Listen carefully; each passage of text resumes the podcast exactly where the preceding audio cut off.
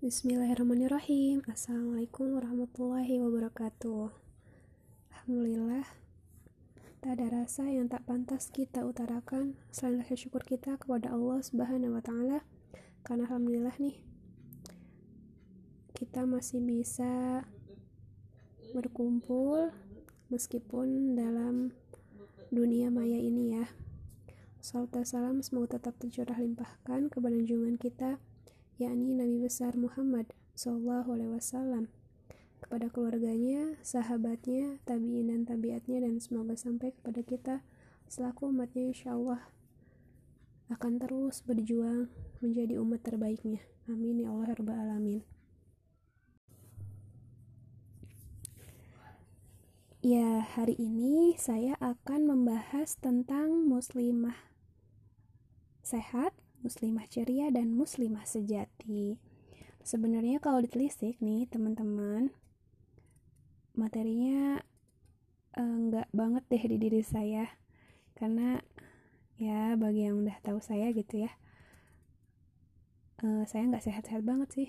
Tapi alhamdulillah sih selama ini memang kalau ditanya pernah masuk rumah sakit dalam kondisi sakit itu alhamdulillah belum pernah dan jangan sampai sih ya dengan tema yang disuguhkan Masya Allah banget ya kalau ngebahas tentang muslimah sehat, muslimah ceria, dan muslimah sejati. Sebenarnya satu kunci aja sih muslimah sejati itu bisa mena menaungi dua kata sebelumnya yaitu muslimah sehat dan muslimah ceria. Jadi teman-teman bisa nih dengerin di podcast saya sebelumnya tentang muasafah tarbiyah yang bahasannya tentang koil jism. Jadi makna tentang kesehatan jasmani dan bukan hanya sekedar kesehatan jasmani. Boleh ya dicek di sana. Ya, masya Allah banget nih. Ngomongin soal muslimah sehat, muslimah ceria, dan muslimah sejati, ada nih role model seorang muslimah yang luar biasa nih, bisa jadi uh, contoh dan panutan buat kita semua. Beliau adalah sahabiah yang mana terkenal dengan sebutan ibundanya para syuhada. Ada yang tahu nggak nih? Ya, beliau adalah Al-Kansa. Al-Kansa ini Masya Allah luar biasa Beliau adalah seorang penyair Arab yang mana syairnya ini bahkan e, disebutkan oleh seorang penyair Arab kontemporer. Beliau mengatakan bahwa Khonsa ini e, adalah penyair terbaik dari kalangan jin dan manusia. Sampai segitunya ya, karena memang Rasulullah juga pernah nih mengatakan bahwa Konsa adalah penyair, seorang penyair terbaik. Insya Allah nih. Beliau adalah seorang wanita yang handal pada masa jahiliyah.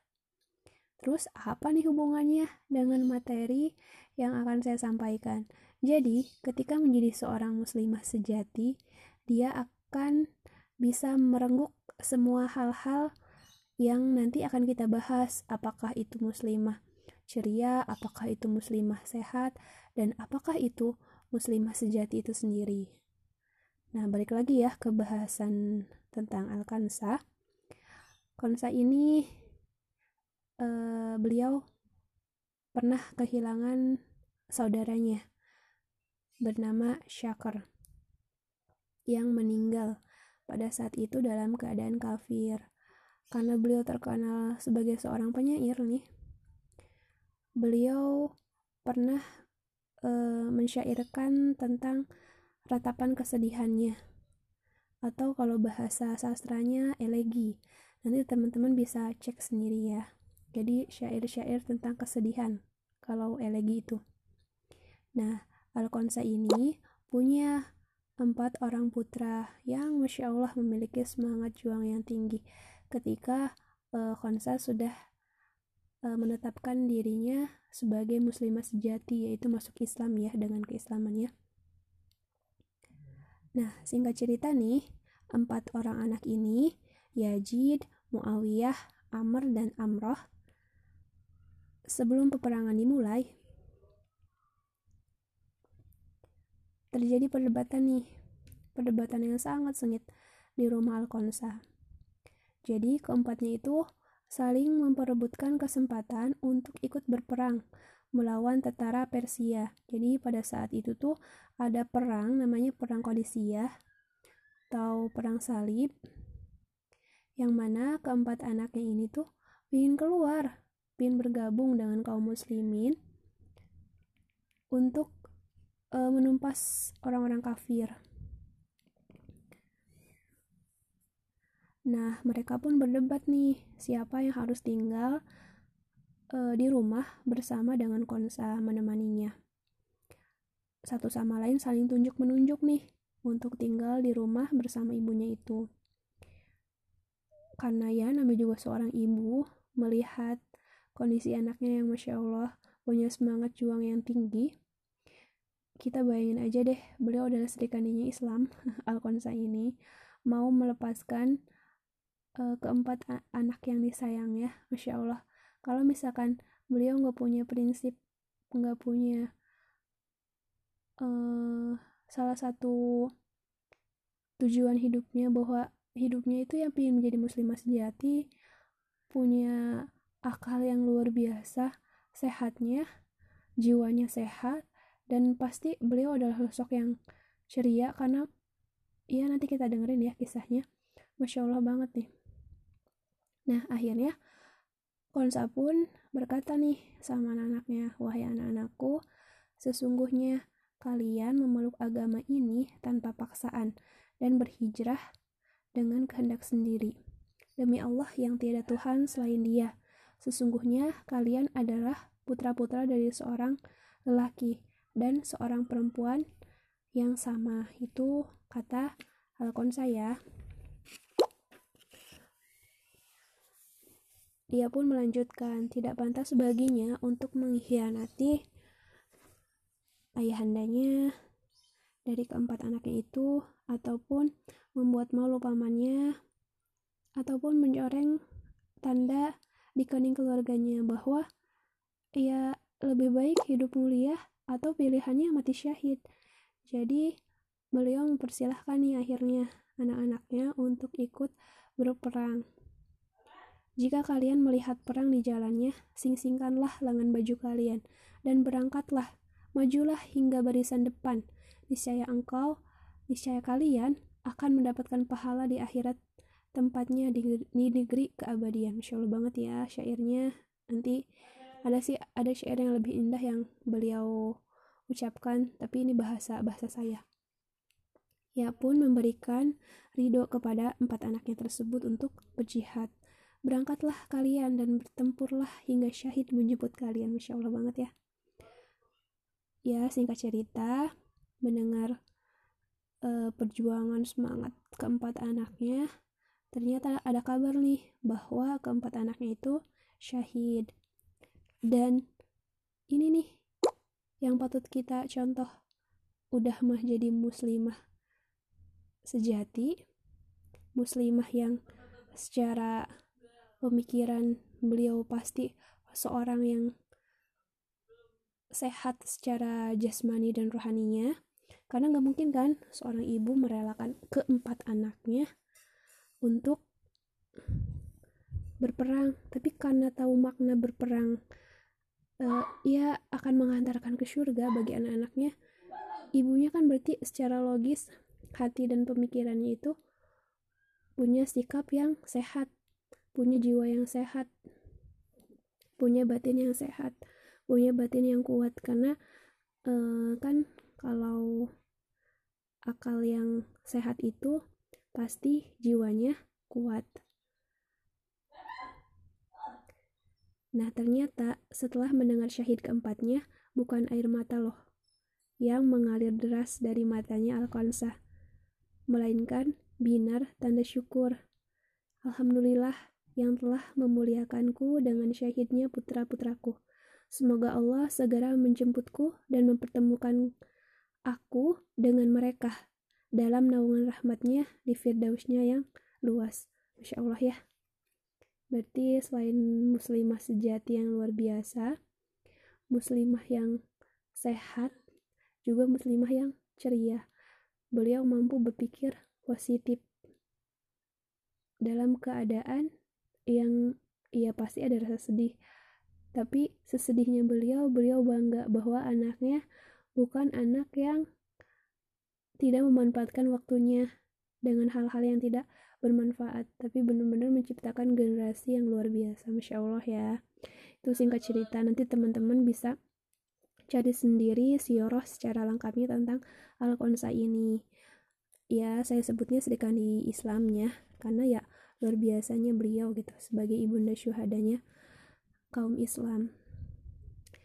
Ngomongin tentang muslimah sehat muslimah ceria dan muslimah sejati ternyata kalau kita telisik di kamus besar bahasa Indonesia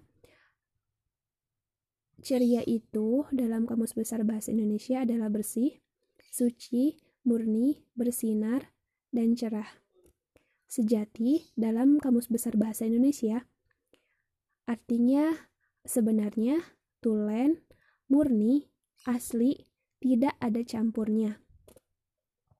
Sehat, saya cek di websitenya Kemenkes, adalah keadaan baik secara fisik, mental, spiritual, maupun sosial yang memungkinkan setiap orang untuk produktif secara sosial dan ekonomi.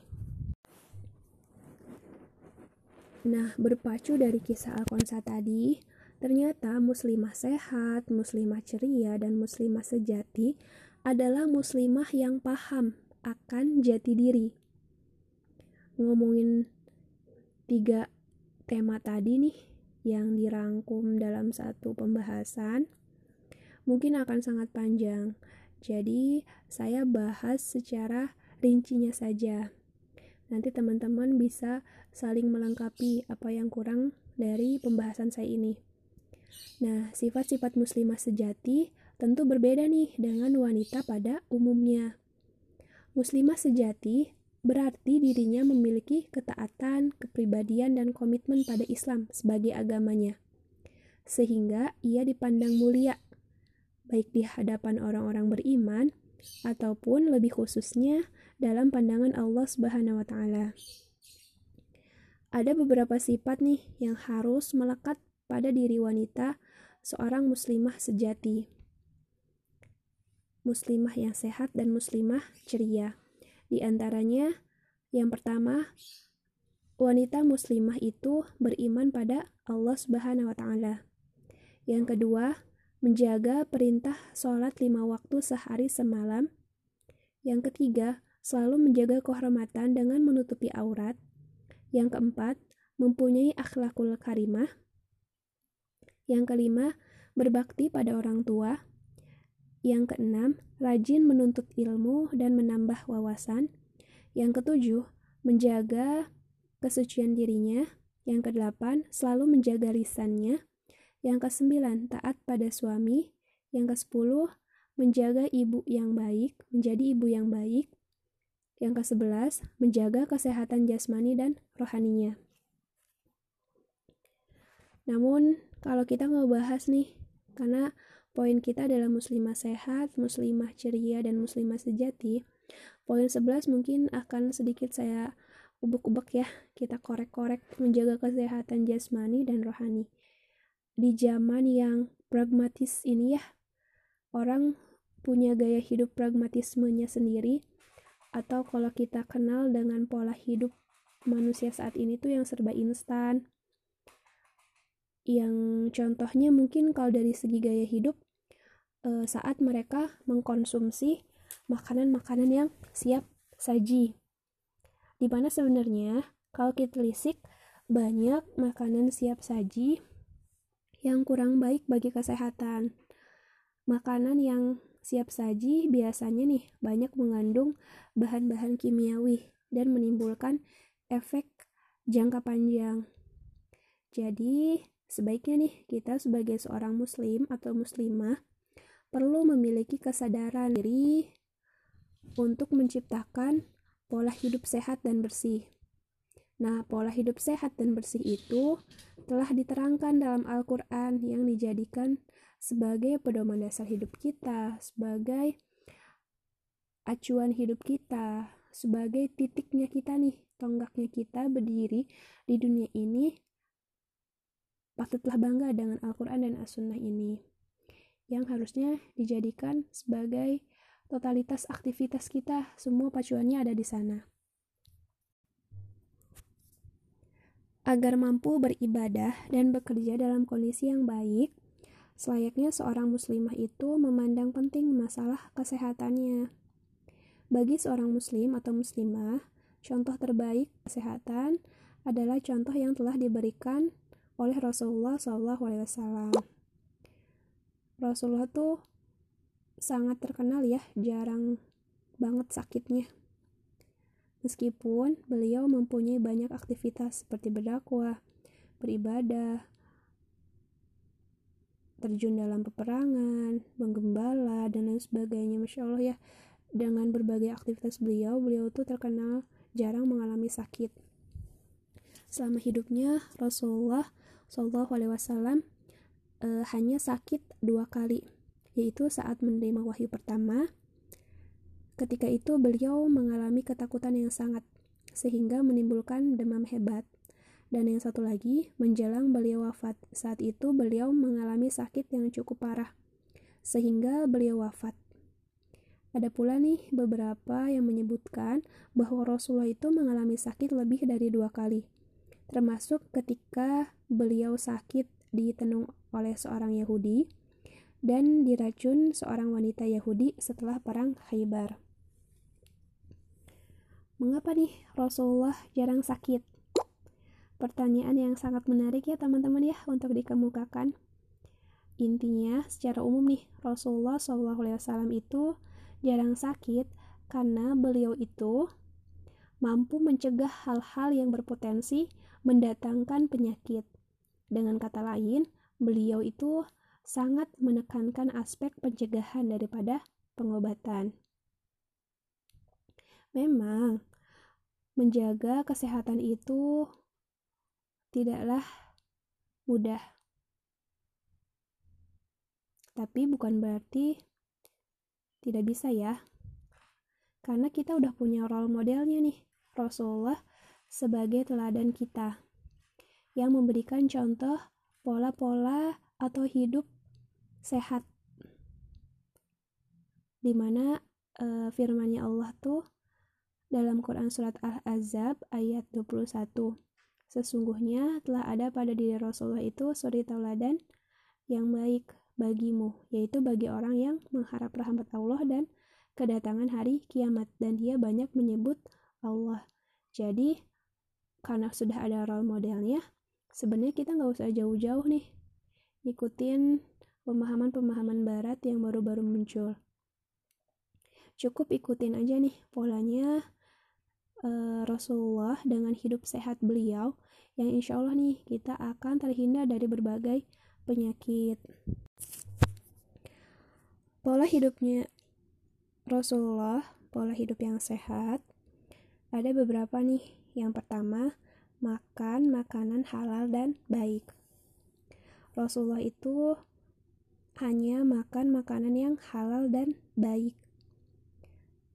Banyak ya, seperti beliau mengkonsumsi buah-buahan, kurma, anggur, zaitun, tin, atau ikan laut segar, madu, daging, susu, biji-bijian seperti gandum, dan lain sebagainya. Pola yang Rasulullah lakukan pada pagi hari biasanya Rasulullah sarapan dengan segelas air yang dicampur dengan sesendok madu asli. Ternyata madu itu selain dapat menjaga daya tahan tubuh, madu juga dapat menjadi obat bagi berbagai macam penyakit. Ditinjau dari ilmu kesehatan, jadi teman-teman cek dan tanya sendiri ya sama orang kesehatan karena saya spesifikasinya keahliannya nggak di sana sebenarnya tapi menurut uh, beberapa buku bacaan bahwa madu itu dapat membersihkan lambung, menyembuhkan sembelit, wasir, peradangan, dan mengaktifkan usus-usus. Jadi di kala pagi hari makannya kadang nih jam jam-jam terbaiknya buat buang air besar itu yang saya tahu dari jam 5 sampai jam 7 itu jam-jam terbaik untuk uh, buang air besar. Jadi makanya di jam-jam segitu tuh jangan dulu makanan makanan yang berat atau sekarang udah banyak nih JSR uh, resep-resep dari uh, jurus sehat Rasulullah yang disampaikan oleh Ustadz ya. Nanti teman-teman bisa juga merujuk ke sana. Ketika memasuki duha nih Rasulullah akan mengkonsumsi tujuh buah butir kurma azwa atau kurma matang ternyata buah kurma itu dapat menetralisir racun dan masih banyak lagi manfaatnya. Jadi baru sampai duha aja Rasulullah pola hidupnya tuh luar biasa banget ya dari segi makanan. Makanan yang dimakan itu makanan yang benar-benar bukan sekedar menutup atau mengganjal rasa, rasa lapar tapi benar-benar bikin sehat dan tenaga gitu. Sampai Rasulullah bisa melakukan aktivitas yang begitu banyak. Pada malam harinya Rasulullah itu biasa memakan sayur-sayuran. Karena sayuran itu memiliki kandungan yang dapat meningkatkan daya tahan tubuh dan kesehatan tubuh. Sayuran juga mengandung serat yang dapat melancarkan pencernaan. Dan setelah makan di malam hari Rasulullah tuh nggak langsung tidur gitu aja makanya ya kebanyakan orang gemuk tapi gemuknya nggak sehat maaf nih maaf. Karena ya setelah makan malam biasanya nggak ada jeda nih untuk uh, lambung untuk uh, perut itu uh, istirahat dulu gitu ya bahasanya.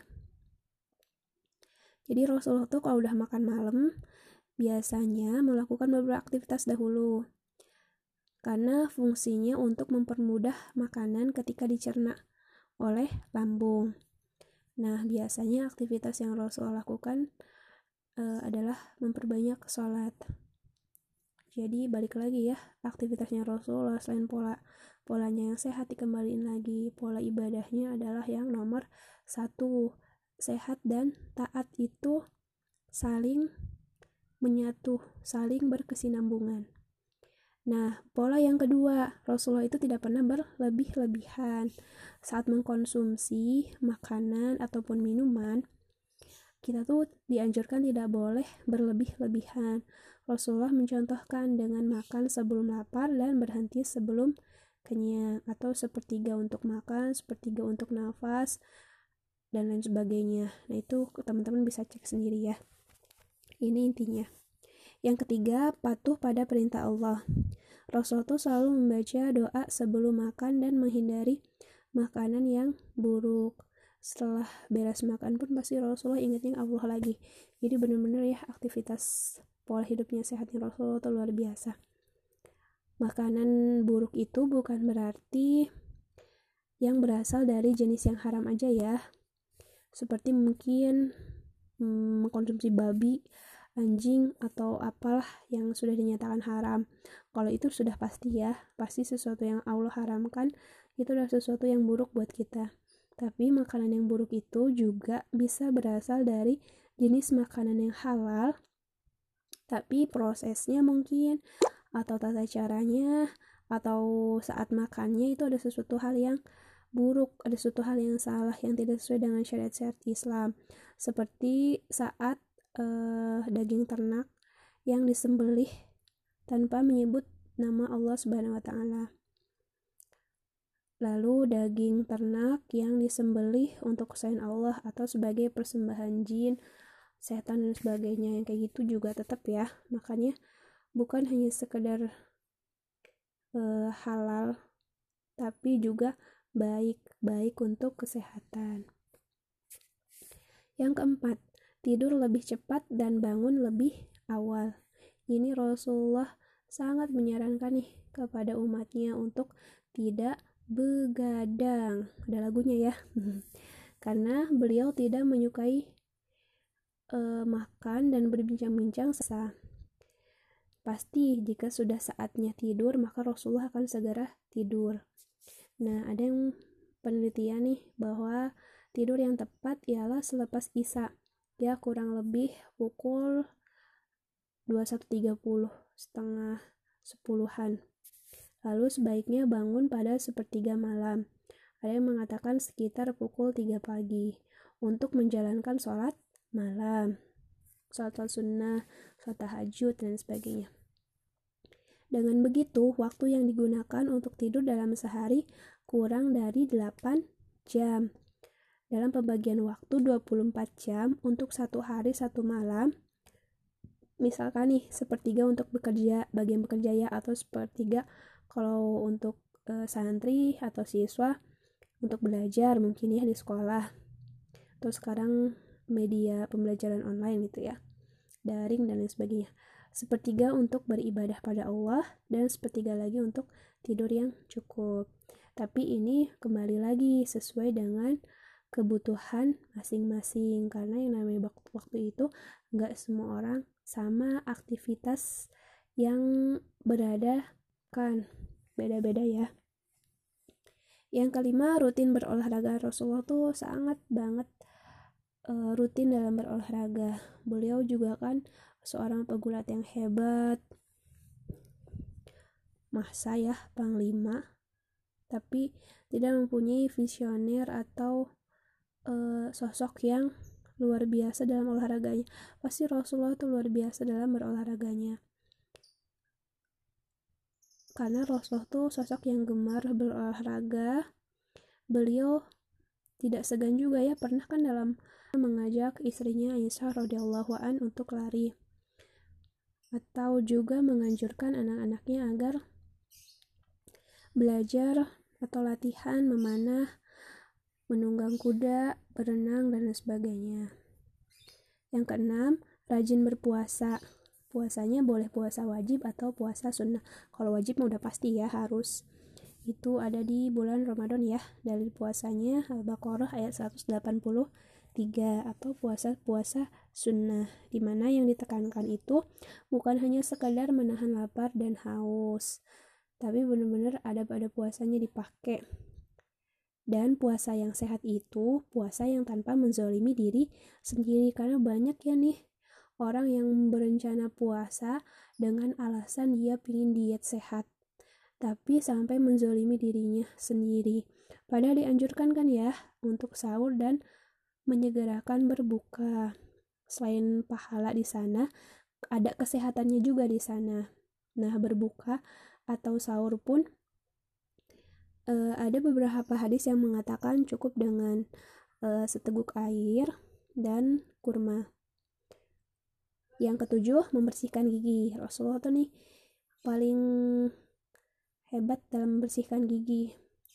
Sampai dalam hadisnya kalau ini tidak memberatkan untuk umatku kata Rasulullah ya pasti Rasulullah akan mewajibkan kepada uh, kaum muslimin untuk selalu menyikat giginya tapi karena beliau tahu itu bukan hal yang mudah tapi perlu tetap kita contoh perlu tetap kita perhatikan bahwa Rasul itu punya kesehatan gigi yang luar biasa beliau yang selalu membersihkan giginya dengan luar biasa atau yang mungkin sering kita dengar beliau Rasulullah SAW itu saat membersihkan giginya itu menggunakan siwak. Nah, waktu yang disarankan adalah sebelum sholat, sebelum tidur, dan ketika bangun tidur. Yang kedelapan, tidak pemarah. Ini nih yang ya secara emosional ya tapi bahasannya akan sangat jauh jadi intinya Rasul tuh pernah menasihati nih latak dob latak dob jangan marah nasihat ini sampai diulang sebanyak tiga kali berarti yang namanya marah itu menunjukkan bahwa bisa membawa efek yang buruk bagi kesehatan. Seorang yang pemarah itu terbukti mengalami beberapa penyakit seperti sakit e, gangguan dalam pencernaannya, sakit kepala, depresi atau darah tinggi, sakit jantung, dan lain sebagainya. Makanya nih, mengontrol emosi adalah suatu hal yang menjadi pola hidup Rasulullah. Makanya Rasulullah tuh dalam keadaan apa pun, uh, Masya Allah ya, luar biasa lah kesahajaannya. Yang kesembilan, menjaga kebersihan. Rasulullah selalu tampak bersih dan rapi, terutama di hari Kamis dan atau hari Jumat. Nah pasti ya apalagi kalau laki-laki kan memang saat uh, sholat Jumat itu pasti dianjurkan untuk bersiwak, memakai minyak wangi, mencukur rambut, memotong kuku dan sebagainya. Tapi ini tidak hanya dilakukan di hari Jumat atau Kamis aja ya, tapi Rasulullah melakukan hal-hal ini setiap harinya. Yang ke-10 rutin bangun sebelum subuh. Nah, ini nih yang jarang banget orang gunakan. Padahal orang-orang sukses di dunia ini, meskipun ya kita nggak bisa mencontoh sih ke sana, tapi seenggaknya positifnya mereka, mereka bangun sebelum subuh. Jadi ada yang bangun jam 3. Bahkan ada yang jam 2, jam 1. Orang-orang sukses ada yang seperti itu, kayak hmm, seorang penemu Facebook, email dan lain sebagainya. Mereka tuh terkenal jarang banget tidur di waktu-waktu tersebut. Karena subuh adalah waktu yang sangat tepat untuk terapi kesehatan. Nah, khususnya untuk kesehatan paru-paru. Jadi yang punya sesek, yang punya permasalahan-permasalahan di paru-paru, hati. sebenarnya Rasul uh, Rasul sudah mengajarkan ya bahwa subuh itu ya penetral waktu yang luar biasa lah. Rasul tuh selalu mengajak setiap muslim untuk bangun sebelum subuh atau saat-saat fajar ya. Karena bangun ketika itu dapat menyehatkan pikiran dan menguatkan perasaan. Ini kalau dibahas panjang banget intinya itu ya. Nanti teman-teman bisa cek sendiri manfaat kita sholat lima waktu itu apa sih di waktu kenapa harus di waktu-waktu tersebut? Ada apa di waktu tersebut? Nanti teman-teman bisa cek sendiri manfaatnya yang luar biasa banget. Atau bisa cek di akun fokusku. Fokusku pernah nge-share tuh dari waktu subuh sampai ke isya. Apa aja sih manfaatnya dan spektrum apa aja yang dialami di waktu-waktu itu? Langitnya seperti apa dan sebagainya. Sudah ada di sana semua ya. Instagramnya @fokus.ku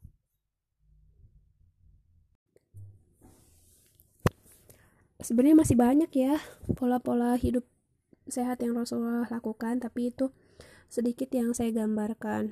Nah ngomongin pola gimana nih cara menerapinya penerapan dalam kehidupan kita sehari-hari sesuai dengan pola hidup dari Rasulullah. Sedikit ya saya bahas ada empat hal yang saya akan bahas. Yang pertama memiliki pengetahuan tentang dampak dari suatu penyakit dan pola-pola hidup Rasulullah, hidup sehatnya Rasulullah yang sudah dicontohkan oleh Rasulullah. Kenapa perlu pengetahuan yang baik tentang suatu penyakit, tentang dampaknya, apa itu penyakit dan sebagainya? Karena kalau kita paham akan keilmuannya,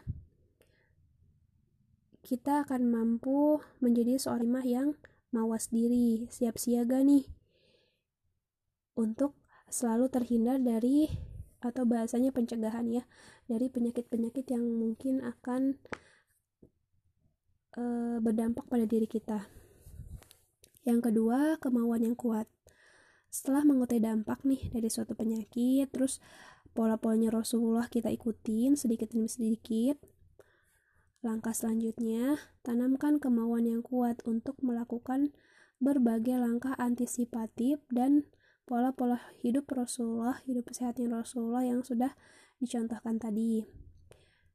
Karena kalau nggak punya kemauan yang kuat, ya susah.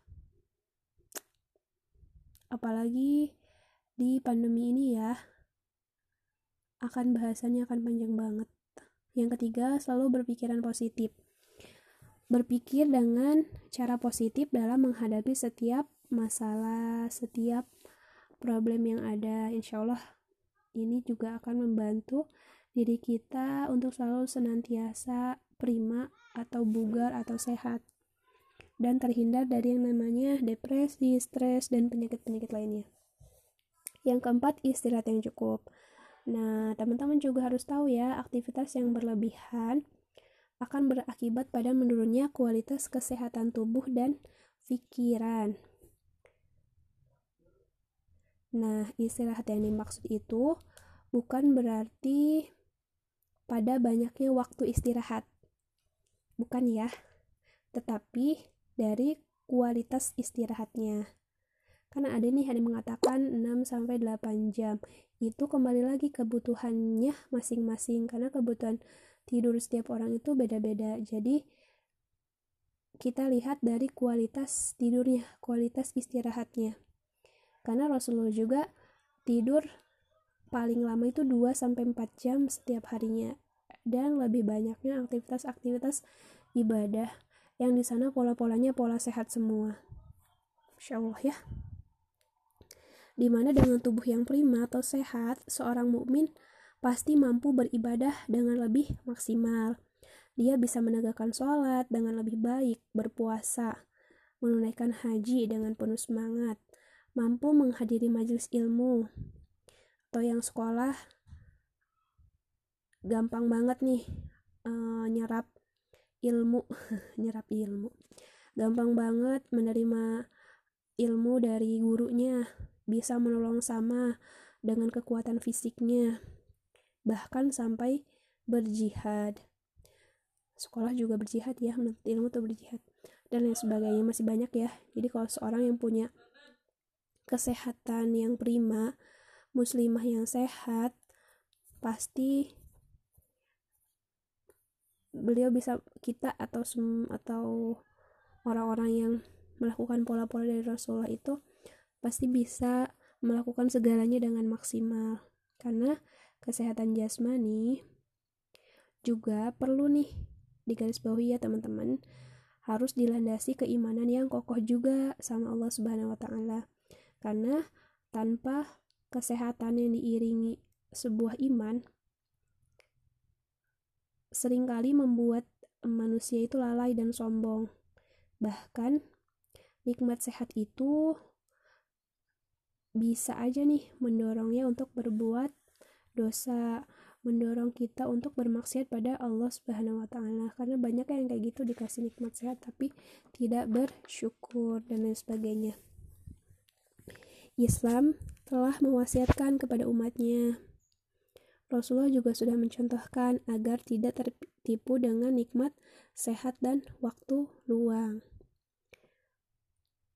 Allah juga memerintahkan setiap hambanya untuk selalu berdoa agar dihindarkan dari berbagai penyakit. E, doa yang dalam sebuah hadis yang artinya, Ya Allah, sungguh aku berlindung padamu dari penyakit belang, gila, lepra, dan dari keburukan segala macam penyakit. Karena yang namanya sehat itu bukan hanya secara fisik, tapi ruhnya juga harus sehat. Banyak kan orang yang secara fisiknya sehat, tapi ruhnya enggak. Misalkan orang gila, maaf ya. secara fisik kan ada beberapa orang gila yang uh, sehat secara fisik nih kalau dilihat, tapi secara ruh pemikirannya, uh, hatinya dia nggak sehat. Makanya nih, orang yang dekat sama robnya pasti dia akan merasakan kebahagiaan hati, jiwanya pasti tentram, dan hal ini yang sangat berpengaruh pada kesehatan jasmani. Senantiasa nih kita menjalin keakraban sama Allah melalui berbagai ibadah yang sudah disyariatkan oleh Allah Subhanahu wa taala supaya seorang hamba itu bisa lebih sehat jasmani dan rohaninya. Itu kalau ngebahas tentang muslimah sehat.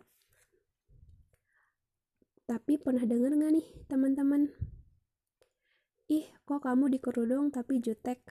Atau katanya muslimah tapi kok nggak pernah senyum? Dan lain sebagainya. Nah, komentar-komentar tersebut tuh masih sering saya dengar atau masih sering muncul ya bahasan-bahasan tersebut atau komentar-komentar atau kata-kata atau pernyataan tersebut. Sebenarnya bukan karena ajaran Islamnya yang salah, tapi mungkin karena orang yang melaksanakannya. Karena prinsipnya seorang muslim itu adalah ketika bersama manusia atau bersama muslim lainnya, ia mampu menampakkan keceriaan dan optimisme. Bahkan, keceriaan dan optimisnya itu bisa menular pada orang lain yang berada di dekatnya. Atau kalau sekarang kan media sosial ya. Nah kebaikan-kebaikannya itu sifat ceria dan optimisnya itu bisa uh, menular bisa menjadi penyemangat bisa menjadi keberadaan itu membuat orang-orang senang dan bahagia optimis dengan sikap ceria atau positifnya. Muslimah yang ceria adalah muslimah yang dengan mampu menampakkan wajah cerianya karena ini merupakan ajaran Islam yang mungkin saya sendiri atau kita belum melakukannya karena tidak semua orang kan ya bisa ceria baik dalam keadaan susah ataupun dalam keadaan gembira karenanya yuk kita sama-sama berusaha menerapkan hadis yang pernah Rasulullah sampaikan. Bunyinya kayak gini, janganlah engkau meremehkan suatu kebajikan sedikit pun, walaupun engkau bertemu dengan saudaramu dengan wajah yang ceria atau bermuka manis. Berarti di sana disampaikan ya bahwa yang namanya senyum itu adalah suatu kebaikan. Jadi wajah ceria Bermuka ceria, bermuka manis adalah ajaran agama Islam. Siapa sih yang gak seneng ketika ketemu dengan orang yang wajahnya ceria? Biasanya orang yang bertemu dengan wajah yang ceria, seseorang yang ceria, seorang yang positif atau optimis, biasanya nih temennya itu ikut-ikutan ceria atau tertular nih cerianya. Orang lain tuh akan senang bertemu dengan kita yang berwajah ceria. Yang sebelumnya nih mungkin dia lagi murung, lagi bermuram durja. Tapi ketika disapa oleh kita yang terlihat dengan senyuman manisnya, wajahmu mengalihkan duniaku, tak apalah yang kayak gitu dengan senyumannya, dengan wajah berseri-seri dengan wajah cerianya, maka bisa jadi kan yang tadinya uh, murung, cemberut, dan lain sebagainya, yang tadinya punya masalah bisa jadi hilang. Bisa jadi dia ikut tersenyum. Kan ini kayak kisahnya Rasulullah ketika mendapatkan wahyu ya. Saat menerima wahyu kan Rasulullah tuh ketakutan banget. Tapi sesampainya di rumah dan melihat Khadijah yang ditatap lekat-lekat banget sama Rasulullah saat melihat Khadijah dalam ceritanya dalam riwayatnya dikatakan setengah ketakutan Rasulullah tuh hilang. Berarti pada saat itu Khadijah tuh menangkap, menampakkan keceriaannya beliau menangkap e, menampakkan sikap positif di wajah beliau. Sehingga sampai dikatakan setengah ketakutannya Rasulullah tuh hilang. Insya Allah ya. Jadi berwajah ceria itu suatu hal yang bisa menunjukkan sikap optimisme, bisa membuat orang lain ikut optimis. Jadi sangat benar nih bahwa senyuman kita di hadapan saudara kita adalah sedekah. Hadisnya kayak gitu ya. Atau ada beberapa hadis juga yang mengatakan tentang senyum. Dari Abu Zar radhiyallahu an, uh, beliau berkata Rasulullah saw bersabda, Senyummu di hadapan saudaramu sesama muslim adalah bernilai sedekah bagimu. Dari dari Abu Hurairah, Nabi Shallallahu Alaihi Wasallam bersabda, Sesungguhnya kalian tidak bisa menarik hati manusia dengan harta kalian. Akan tetapi, kalian bisa menarik hati mereka dengan wajah berseri dan akhlak yang mulia. Masya Allah banget ya. Jadi kalau misalkan muslimah sejati itu pasti mencangkup muslimah yang sehat dan muslimah yang ceria. Nah, yuk kalau kita mau jadi muslimah sejati, terapin nih aturan-aturan yang udah ada dalam Al-Quran dan Sunnah aturan-aturan yang sudah dirisalahkan oleh Rasulullah SAW kepada kita role modelnya udah ada tinggal kita menirunya aja sedikit demi sedikit muslimah sehat, muslimah ceria, dan muslimah sejati adalah pancaran yang ada dalam diri kamu sendiri ya. Jadi kebutuhan tiap personalnya beda-beda. Cuman Rasulullah dan Al-Quran sudah ajarkan semuanya ada di sana. Wallahu a'lam bishawab. Mungkin itu yang dapat saya sampaikan. Kalau misalkan ada yang salah dalam penyampaiannya ataupun dalilnya, sama-sama saling memperbaiki diri ya dan koreksi saya terus. Wassalamualaikum warahmatullahi wabarakatuh.